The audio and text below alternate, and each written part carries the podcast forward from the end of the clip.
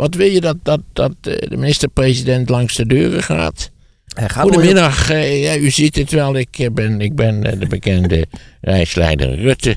Ik kom u eens vragen, hoe wat vindt u al zo van de democratie? En bevalt dat straatje ook een beetje waar u woont? En hoe is het met werk? Loopt natuurlijk nog een klein beetje lekker? Eh, nou ja, Het verlossen, kunt u mij horen? Moeten, moeten we het nog hebben over het debat? Ja, we zijn aan het opnemen terwijl het debat nog bezig is. Maar eh, we gaan het in ieder geval hebben over de woningbouw. Eh, hoog en laag opgeleid. Moeten we nou van die termen af? Dat komt ook voorbij. Ik sprak van de week een meneer en die zegt van ja, ik vind die Maarten van Rossum toch zo afschuwelijk. Maar nu ben ik naar die podcast gaan luisteren. En nu vind ik hem ontzettend sympathiek. Ik heb een heel ander beeld van hem gekregen. oh, nou ja, misschien moeten dan meer mensen naar de podcast gaan luisteren dan toch al het geval is. Hij zegt van ik eh, bij de televisie en in andere uitingen dan wordt het helemaal geframed. Maar ik hoor nu veel meer kanten van hem. Dus eh, toen dacht ik, nou dat klopt denk ik wel ergens wel. Dat is natuurlijk noodzakelijkerwijs is het zo dat zeker in de talkshows natuurlijk eh, in heel beperkte mate dingen aan de orde komen. Even nog afgezien van de talloze beloftes die je daar gedaan worden over ruim aan het woord komen, die tenslotte niet worden nagekomen. Wat je ook vaak nogal chagrijnig stemt ter plekke, dat begrijp je. Ja. Nou, ik heb je dat toch wel eens verteld van Balkenende. Dat die, eh, als je die van de televisie alleen maar kent, denk je, oh, is een stuntelig figuur. Maar als je hem in het echt ziet, dan zie je een 360 nee, nou, we hebben graden. het over gehad, over Balkenende. Ja. En, en op dat congres waar die, waar die was, en ik ook. Waar maakte die een competent en geestige indruk. Ja. Ken je nog meer mensen waar dat van is? Dat je, als je ze ziet in de pers en, en je ziet ze in het Ja, echt. zeker, zeker. Ja, dat, dat, dat komt eigenlijk betrekkelijk veel voor. Eh, je hebt namelijk mensen die je heel sympathiek vindt op het scherm, maar die in de werkelijkheid eh, minder sympathiek zijn. Of zwijgzaam of somber gestemd. En dan heb je mensen die je op het scherm altijd als afschuwelijk hebt beschouwd. En die blijken in de praktijk hele aardige en beminnelijke personen te zijn. Dries van Acht, om maar een praktisch voorbeeld te geven. Niet dat ik die nou tientallen malen ontmoet heb, maar twee of drie keer. En nou ja, bovendien is het iemand die zijn moedertaal op een beschaafde en, en interessante wijze gebruikt. Eh Wiegel, ook een goed voorbeeld. Vond je die juist leuk of niet leuk? Ja, aardig. Gewoon aardig. Vond en Wiegel en Van Acht vond ik aardig, moet je je voorstellen. Maar die komen op het scherm Voor een enigszins links georiënteerd iemand na het kabinet Wiegel van Acht, van Acht Wiegel, sorry. Niet waar, waar, waar, waar, waar ik van griezelde als het op de tv kwam. Maar bovendien was het ook een waardeloos kabinet overigens tussen haakjes.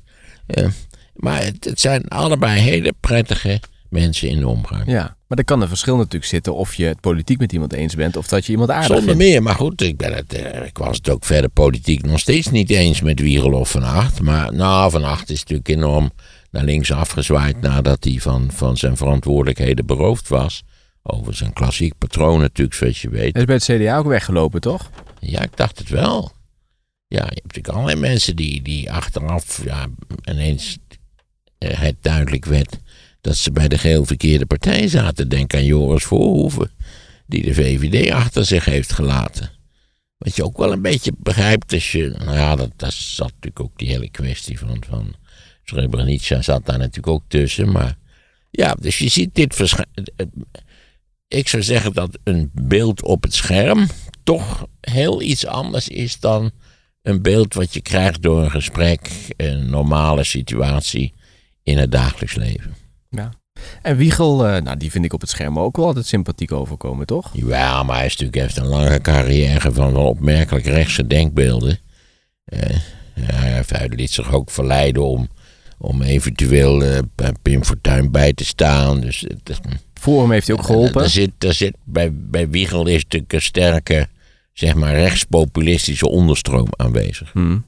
Maar als persoon, bovendien had Wiegel een hele goede eigenschap. Je kon eh, kritisch met hem praten over politiek en dat nam hij goed op. Hmm. En je hebt ook mensen die meteen boos worden natuurlijk, maar hij nam dat eh, prima op. Ja, dat is eigenlijk de kern van politiek, toch? Ja, dat je met elkaar eh, ingrijpend van mening kunt verschillen. Zonder dat je dus op Twitteriaanse wijze gaat schelden en gaat dreigen. En nou ja, die hele wonderlijke sfeer. Eh, tegenwoordig moet zo'n beetje de helft van het establishment beschermd worden.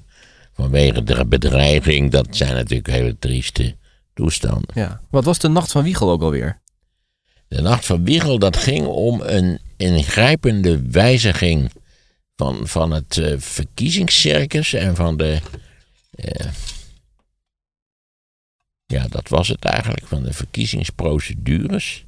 En dat was het werk van uh, Tom de Graaf. Die was toen, dacht ik, minister.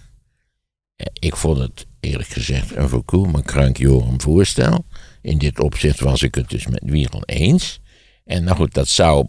Uh, Wiegel zat volgens mij toen in de Eerste Kamer, als ik het me goed herinner. En dat hing op één stem en dat was Wiegel. Dus het was hartstikke spannend. En hij speelde het ook. Ik bedoel, zekere acteursambities zijn hem niet vreemd natuurlijk. Dus hij speelde het goed en zei tenslotte tegen. en daarmee was het, was het wetsontwerp naar mijn gevoel volledig terecht gesneuveld. Ja. Ik vond dat hij, de, de, wat betreft mij, wat mij betreft, heeft hij bij die gelegenheid de Nederlandse democratie in dienst bewezen. Want waar werd, wat was dan wat ja, op tafel was lag? iets ingewikkelds met kiesdistricten en zo. Weer de bekende, die eindeloos dreunende, nee, dreunen is het verkeerde woord, ritselend voortwoekerende lulkoek over het democratiseren van de democratie. Ja. Eh, daar moet ook eens een keer iemand uitleggen in een leuk, mooi boek. Er is wel iets in het Engels op dat punt. Eh, het is een illusie om te denken dat je de democratie democratischer kunt maken. Eh, en je moet hem eigenlijk niet democratischer, maar je moet hem eigenlijk iets minder democratisch maken. Omdat hoe democratischer er wordt, hoe meer mensen ook de gelegenheid hebben en, en graag ontwik, eh, ont, verder ontwikkelen om overal ontevreden over te zijn. En dan werkt het niet meer. Nou moet ik zeggen, in Nederland zijn allerlei dingen waar je inderdaad ontevreden over moet zijn. Maar even terugschakelen, ook bij deze verkiezingsoverwinning van eh, BBB. Ik mag niet meer zeggen de mevrouw van de BBB, ik moet nu zeggen Caroline van der Plas. Eh, Caroline. Hallo Caroline. Volgens mij heeft dat te maken met haar Engelse of Amerikaanse moeder. Ja, geheel terecht allemaal, hartstikke mooi. En weer begint dat hele circus te draaien van... we moeten beter naar de burgers luisteren, dat is het. Ja. Waarbij nooit iemand uitlegt hoe je in godsnaam naar alle Nederlandse burgers zou moeten gaan Dat is toch luisteren. een verkiezing ervoor? Ja, de beste manier om naar Nederland te luisteren is naar de parlementaire verkiezingen te kijken. Omdat de Ja. opkomst bij onze verkiezingen, niet waar, die was eh, nou, de afgelopen, afgelopen keer geloof ik 75 procent. Maar de keer daarvoor 82. Wat echt ook internationaal comparatief indrukwekkende cijfers zijn. Dus ja, eh, veel beter kun je het niet organiseren. Nee. Wat wil je dat, dat, dat eh, de minister-president langs de deuren gaat? Goedemiddag, ja, u ziet het wel, ik ben, ik ben de bekende reisleider Rutte. Ik kom u eens vragen, wat vindt u al zo van de democratie? En bevalt dat straatje ook een beetje waar u woont? En eh, hoe is het met werk? Eh, loopt natuurlijk nog een klein beetje lekker? Eh, nou ja, nee, dat is onzin. Dat hele geluisteren, naar, naar welke burgers ga je luisteren? Zou Rutte wel heel goed kunnen, denk ik, in deze rol. Ja, Rutte zou het meesterlijk kunnen. Ik bedoel, voordat je het weet zit hij thuis, zit hij de hele middag te lullen bij een kop koffie. Dat geloof ik ook wel. Eh, hoewel hij waarschijnlijk weer haast heeft. Ik heb dat haast. Eh, nee, dat, dat naar de burgers luisteren, dat, dat hebben we ook toen na Pim Fortuyn eindeloos moeten aanhoren, die lulkoek. Zonder dat iemand ooit duidelijk heeft gemaakt hoe je dat dan moet doen. En dan krijg je dan burgerraden en zo. Maar ja, je voelt al aan je water wie komen er in die burgerraden terecht.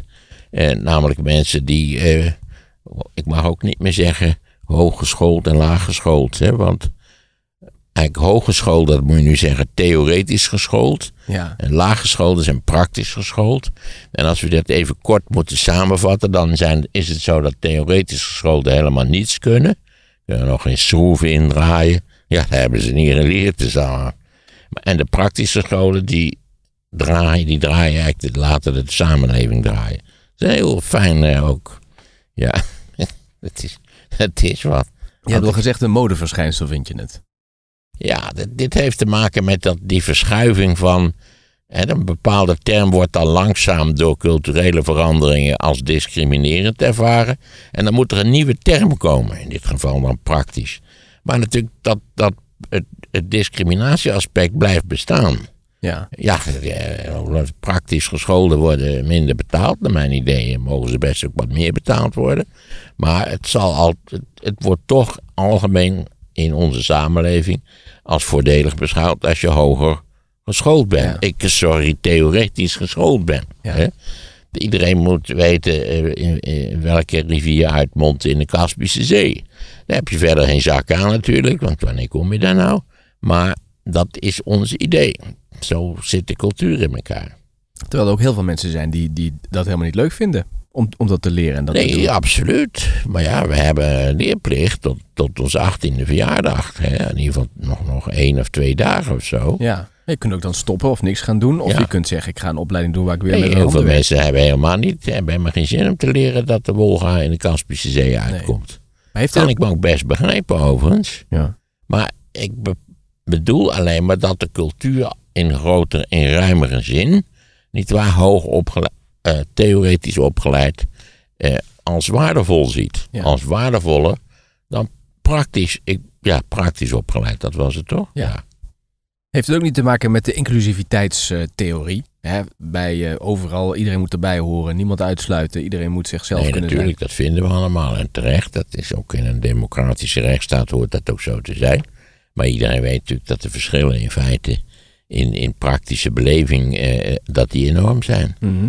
Als je natuurlijk aan eh, het precariaat, waar we tegenwoordig zo vaak over spreken, ja, als je helemaal onderaan bungelt, dat is heel wat anders dan wanneer je in Bloemendaal in een reuzenvilla woont. Ja.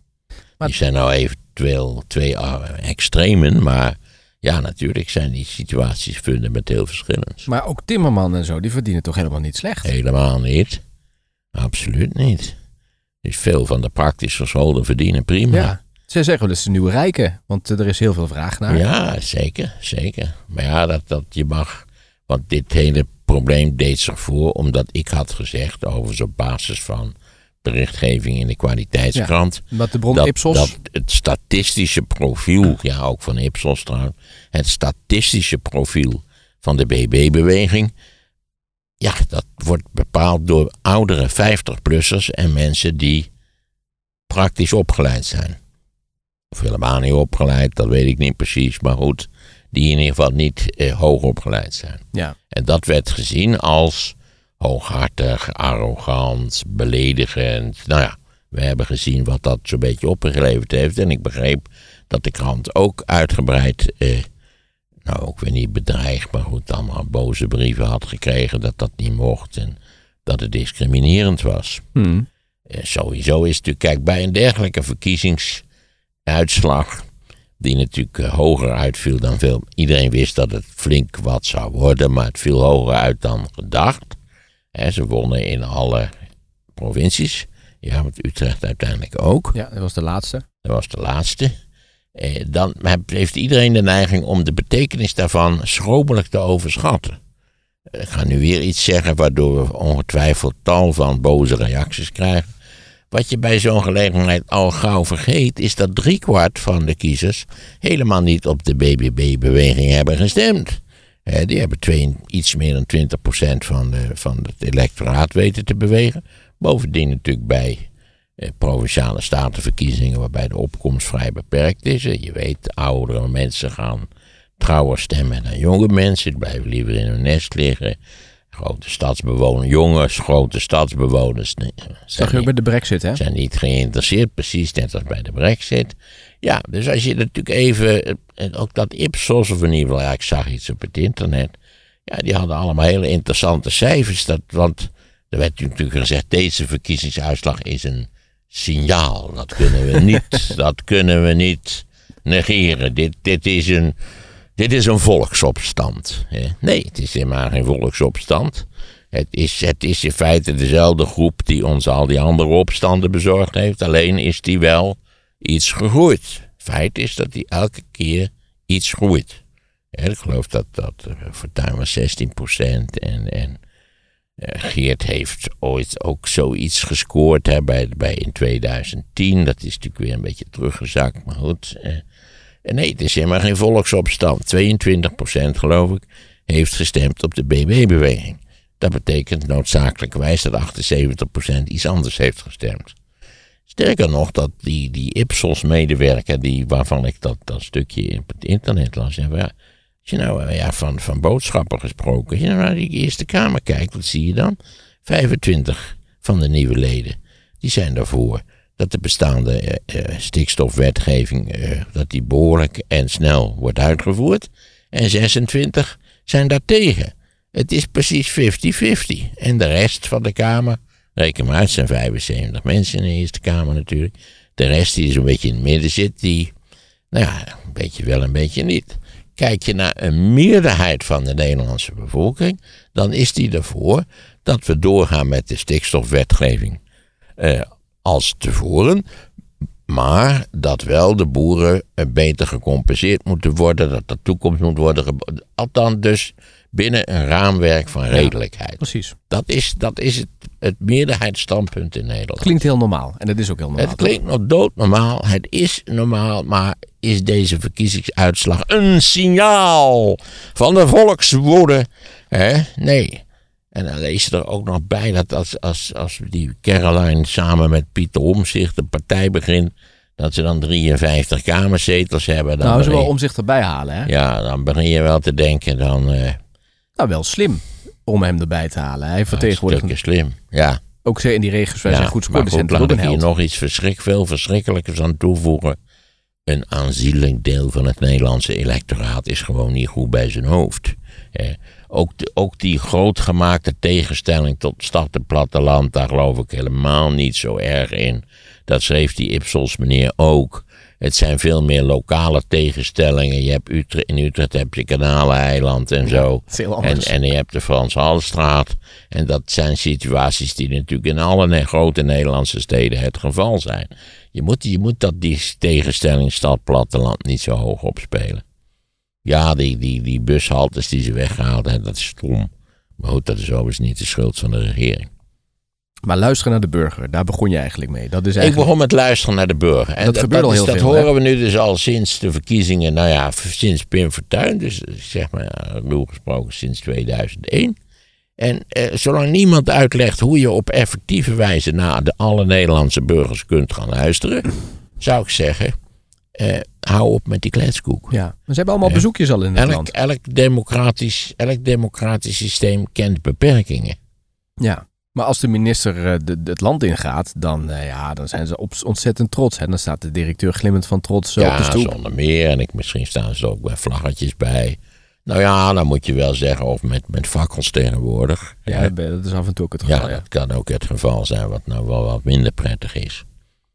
Maar daar wordt ook geluisterd. Hè? Want dan, die minister, daar halen ze natuurlijk allemaal dingetjes eh, van op. En dat nemen ze weer mee natuurlijk. Of ze er iets mee doen is een In tweede. principe zijn we heel goed geïnformeerd hoe Nederland erbij staat. Ja, ik, uit, als ik af zou gaan op puur persoonlijke waarneming, is er heel weinig mis met het perifere Nederland. Eh, en ze hebben- gezegd, ze- ja. En ze hebben één, één voordeel wat wij dus absoluut niet hebben in die Randstad. Je kunt overal parkeren. Ja. Hè? Je kunt in Dronten zomaar parkeren. Helemaal geen probleem. Ja. En ik sprak, wanneer was het, eh, woensdag in, in eh, Amsterdam. En daar vonden wij snel een parkeerplaats. En dan ben je alleen maar warm en gelukkig van binnen. Dat je in die klote stad, die chaotische klote stad waar alles weer opgebroken was, zomaar een parkeerruimte kunt vinden. Dat ik moet erbij zeggen dat voor mijn lezing was de, waren de parkeerkosten 21 euro. Ja, vind je dat veel? Ja, dat vind ik idioot veel. Ja, dat, maar dan stond je in een parkeergarage, denk ik. Of de Nee, straat. op het Amstelveld. Ah, oké. De, de, de lezing speelt zich af in de Amstelkerk. Tenminste, Ja. ik geloof dat die zo heet. En je staat ook wel eens in de file voor de parkeergarages. Dat heb je Ja, daar joh, wel. er is voor die Bijenkorf parkeergarage die daar Ja, en bij het bij de Bijenkorf is. staat fucking schuwelijk file is dat. door de hele stad heen. Ja, dan heb je een afspraak om één uur en dan sta je kwart voor één sta je in dat de gaat file. je, dat gaat je niet lukken. Nee. Je kunt in Amsterdam niet nog geen normale afspraken maken. Nee, kijk, en dat heb je in Uden niet. Ja, tenslotte zal Amsterdam dat natuurlijk gaan betreuren. Dat voel je al aan je water. Ik dacht dat er nu al een beweging was van jonge gezinnen de stad uit. Ja, op het moment krijg je daar genoeg van. maar die kunnen het niet meer betalen. Die kunnen het niet betalen en, en, je hebt geen vrije schoolkeuze en je kunt je auto niet kwijt. En nou goed, dat is één groot probleem. En opa en oma wonen ook op het En- platteland. En de, de, de, le- de lege plekken schijnen opgevuld te worden door expats. Door, door. Nou mijn dochter woonde in Londen, maar die kon moeiteloos haar alleraardigste appartementen permanent en tegen flinke bedragen verhuren aan expats. ja. Maar wat wil je daarmee zeggen? wel op, nou, je moet wel oppassen dat je geen expatstad wordt. Eh, Lijkt mij althans. Zorg dat je een beetje een redelijke mix hebt. Je moet natuurlijk niet de modale Nederlander in zekere zin de stad uitpesten. En dat gebeurt nu wel, wil je zeggen. Enigszins wel. Als ik die cijfers, als dat klopt, die ik nu gedebuteerd heb, dan eh, is dat wel enigszins gaande, ja. Ja, studenten wonen dan nog, maar die hebben het ook steeds moeilijker Ja, om een kamer te krijgen. Ja die betalen natuurlijk ook idiote bedragen. En je hebt natuurlijk mensen die blijven hangen. Ook voor studenten is natuurlijk in de loop der jaren veel te weinig gebouwd. Ja. Ja. ja. Kijk, studentenkamernood, toen ik hier aankwam in 62, was er ernstige kamernood. Hè? En nu is er nog steeds ernstige kamernood. We zijn ondertussen een schat hemelrijk land geworden, maar er is nog steeds ernstige kamernood. Mhm. Dus ja, nou, dat is weer een ander punt in Nederland, wat natuurlijk, eh, ja, het, het hele, het hele huizenprobleem in Nederland, dat is, eh, je kunt niet anders zeggen. Hij er is niet in geslaagd bij 70 jaar na de Tweede Wereldoorlog om dat probleem enigszins adequaat op te lossen. Dan heb je toch iets fout gedaan. Maar we kunnen hier wel voorspellen. Al moeten we erbij zeggen, eerlijkheidshalve, de Nederlandse bevolking heeft zich verdubbeld. Ja, dat is natuurlijk voor de omringende landen geldt dat totaal niet. Dus die hebben op dat punt ook een, eh, wat minder problemen op te lossen. Ja. Maar Je kunt in Brussel heel makkelijk een appartement krijgen, heb ik begrepen. is dat zo? Ja. In Parijs heb ik gehoord, is het ook een heel groot probleem. Oh, ja, binnen de periferiek neem ik aan. Dat is natuurlijk in die, in die reuze agglomeraties altijd de vraag, waar, waar woon je eigenlijk precies? Kijk, in die zin kun je de hele Randstad als een reuze agglomeratie zien. Of je nou, ja, zou je nog in Boskoop nog een enigszins normale woning kunnen vinden? Dat weet ik eigenlijk niet. Of in, eh, of in Apkouw, daar wordt fors gebouwd. Voor zover ik dat vanaf de grote weg zien kan. Je kunt toch bijna wel voorspellen dat over 10, 20, 30, 40 jaar dit probleem er nog steeds is. Ik denk toch niet dat ze dit gaan oplossen? Nou, 40 jaar vind ik eh, ruim gemeten. Omdat natuurlijk, ik denk dat de bevolkingsgroei eh, eh, minder snel zal plaatsvinden in de loop van deze eeuw, eerlijk gezegd. Maar dat weet ik natuurlijk, ja, dat is ook maar een voorspelling. Ja, maar dan krijg je natuurlijk, je krijgt de, de- ik heb wel eens zo'n grafiekje gezien. En je krijgt dus heel veel oudere mensen en, en relatief weinig jonge Ja, mensen. de, de bevolkingsgroei in de hele wereld, dat, is zijn meer, dat, dat er meer oudere mensen komen. Want we worden Dan zul je ouder. natuurlijk zeggen, ja precies, want ja, mensen zeggen, ja, hoezo meer oudere mensen worden ze oud geboren of zo? Nee, ze, ze leven veel langer. Als je denkt dat het, het, het wereldgemiddelde van de hoe heet het, eh, levensverwachting zit al rond de 70. Eh, dus ja, reken maar uit. Ja, maar die mensen zullen allemaal zeggen, net zoals jij terecht. Ah, ik zal het blikje weer even open doen. Die zeggen natuurlijk, ik blijf in mijn huis wonen. Ik ga niet mijn huis, zolang het kan, blijf ik te wonen. Ja, dat is typisch een Nederlands probleem natuurlijk. Hoezo? Nou, omdat ik denk eerlijk gezegd dat die, die grote huizen waar twee mensen in wonen, dat is niet een mondiaal probleem, lijkt mij. Dat lijkt mij niet. Dat is een typisch Nederlands probleem, volgens mij. Maar ja, de vraag is natuurlijk, waar moet je dan heen als je uit je huis gaat? Nou ja, naar een bejaardenhuis. Ja, maar de verzorgingshuizen hebben we voor niet onbelangrijk gedeelte afgebroken. Ja, je kunt, voor mij is het enige alternatief ooit, als het inderdaad niet meer gaat, met z'n tweeën in dat huis met die twee steile trappen, eh, is natuurlijk het enige alternatief dat je een soort, soort verzorgingsappartement. Eh, kijk, als, als, je naar een ander, als je naar een appartement gaat waar ook niks is ter verzorging, niet waar, een opvang van calamiteiten, dan heb je er verder niks aan, behalve dat het erg duur is en dat je een iets beter uitzicht hebt. En zijn er daar genoeg van? Dat denk ik ook niet, toch? Als je er maar genoeg betaalt, dan zijn er altijd genoeg, dat kan ik je verzekeren. Wordt zwaar voor. Nou, dan moet je eens kijken naar die advertenties in de NRC.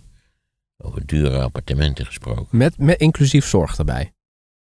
Dat heb ik nog niet gecheckt, maar ik denk dat er meestal wel een soort van zorgfactor bij komt. Ja. Ja. Maar dit heeft natuurlijk ook invloed op eh, de woningcrisis, als we die hebben. We hebben een woningcrisis, daar bestaat niet de geringste eh, twijfel over. Want het is natuurlijk ook crisis dat die prijzen zo idioot hoog zijn. Dat is natuurlijk ook een crisis. Want die prijzen zijn zo idioot hoog, omdat er niks te koop is. Of althans niks wat gewenst is te koop is. Of te weinig van datgene wat gewenst is te koop is. Iedereen weet dat als je over de Duitse grens, als je 10 kilometer over de Duitse, Duitse grens, kun je een huis kopen voor de helft van het geld. Eh, met een geweldige tuin met rhododendronstruiken erin. Ja. Je ziet nu ook zo'n trend dat mensen in huizen denken van we bouwen er nog maar een paar verdi- verdiepingen op, want dan hebben we nog wat ruimte erbij. Ja, daar moet je wel vergunning voor hebben. Hè? Dus de, de gemeente moet komen kijken of je behoorlijk gefundeerd bent. Anders kun je er niet zomaar Ja. een verdieping opzetten. Want voordat je het weet heb je Turkse toestanden. Of, of sowieso daar in die landen. Omdat daar natuurlijk voortdurend verdiepingen extra opgezet worden met verschrikkelijke gevolgen soms. Ja. Soms storten ze al spontaan in. Maar eh, soms een aardbeving. Maar het, het staat niet erg stevig. Maar dat wijkje waar ik woon, daar zijn ze dat nu massaal aan het doen. En het begint er altijd eentje. En dan denkt de buurman, hé, hey, dat is een goed idee. Laat ik dat Ja. ook eens gaan doen. Nou ja, je hebt een hele verdieping erbij. Soms twee wel, hè? Ja, het wordt, dat die hele zaak die, wordt, die bestaat uit stalen balken geloof ik. En die wordt er gewoon bovenop Ja, of getakeld. hout. maar je moet eerst wel een vergunning vragen. Ja. Dus als je huis niet behoorlijk gefundeerd is, dan, ga- dan eh, krijg je geen toestemming. Maar dit is toch de enige optie die we ook nog hebben om die woningnood op te lossen. De, de hoogte Nou inbouwen. ja, dat zeker. Dat zijn natuurlijk al eensgezinswoningen, neem ik aan. En dan kun je de kinderen wat meer ruimte bieden daar in die, in die volgende, in die nieuwe verdieping. Ja. Maar goed, dat willen we niet in Nederland, hè? Te veel hoogbouw. Nou, ik, ik wou dat dat zo was. Eh, Voortdurend zie je rare staken uit keurige plaatsjes steken... waar weer een of andere volstrekte halve rare een, een, een ding van 30 hoog heeft gebouwd. Eh, nee, het wordt, eh, Utrecht gaat aan de westkant ook al idiote hoogbouw plegen. Is dat zo? Ja, zeker. Ik vind het toch in de Nederlandse steden wel heel ook erg helemaal niet. Mijn broer legt altijd uit dat het helemaal niet bijster efficiënt is. Er zijn navenant kosten als je zo hoog bouwt. Je kunt, als je met drie, vier verdiepingen bouwt, eh, kunnen, zijn er hele elegante oplossingen voor. In feite is daar best ook ruimte voor tegen de tijd dat we het stikstofprobleem hebben opgelost. Moet het misschien ook even over hebben, want dat is weer het slachtoffer geworden van.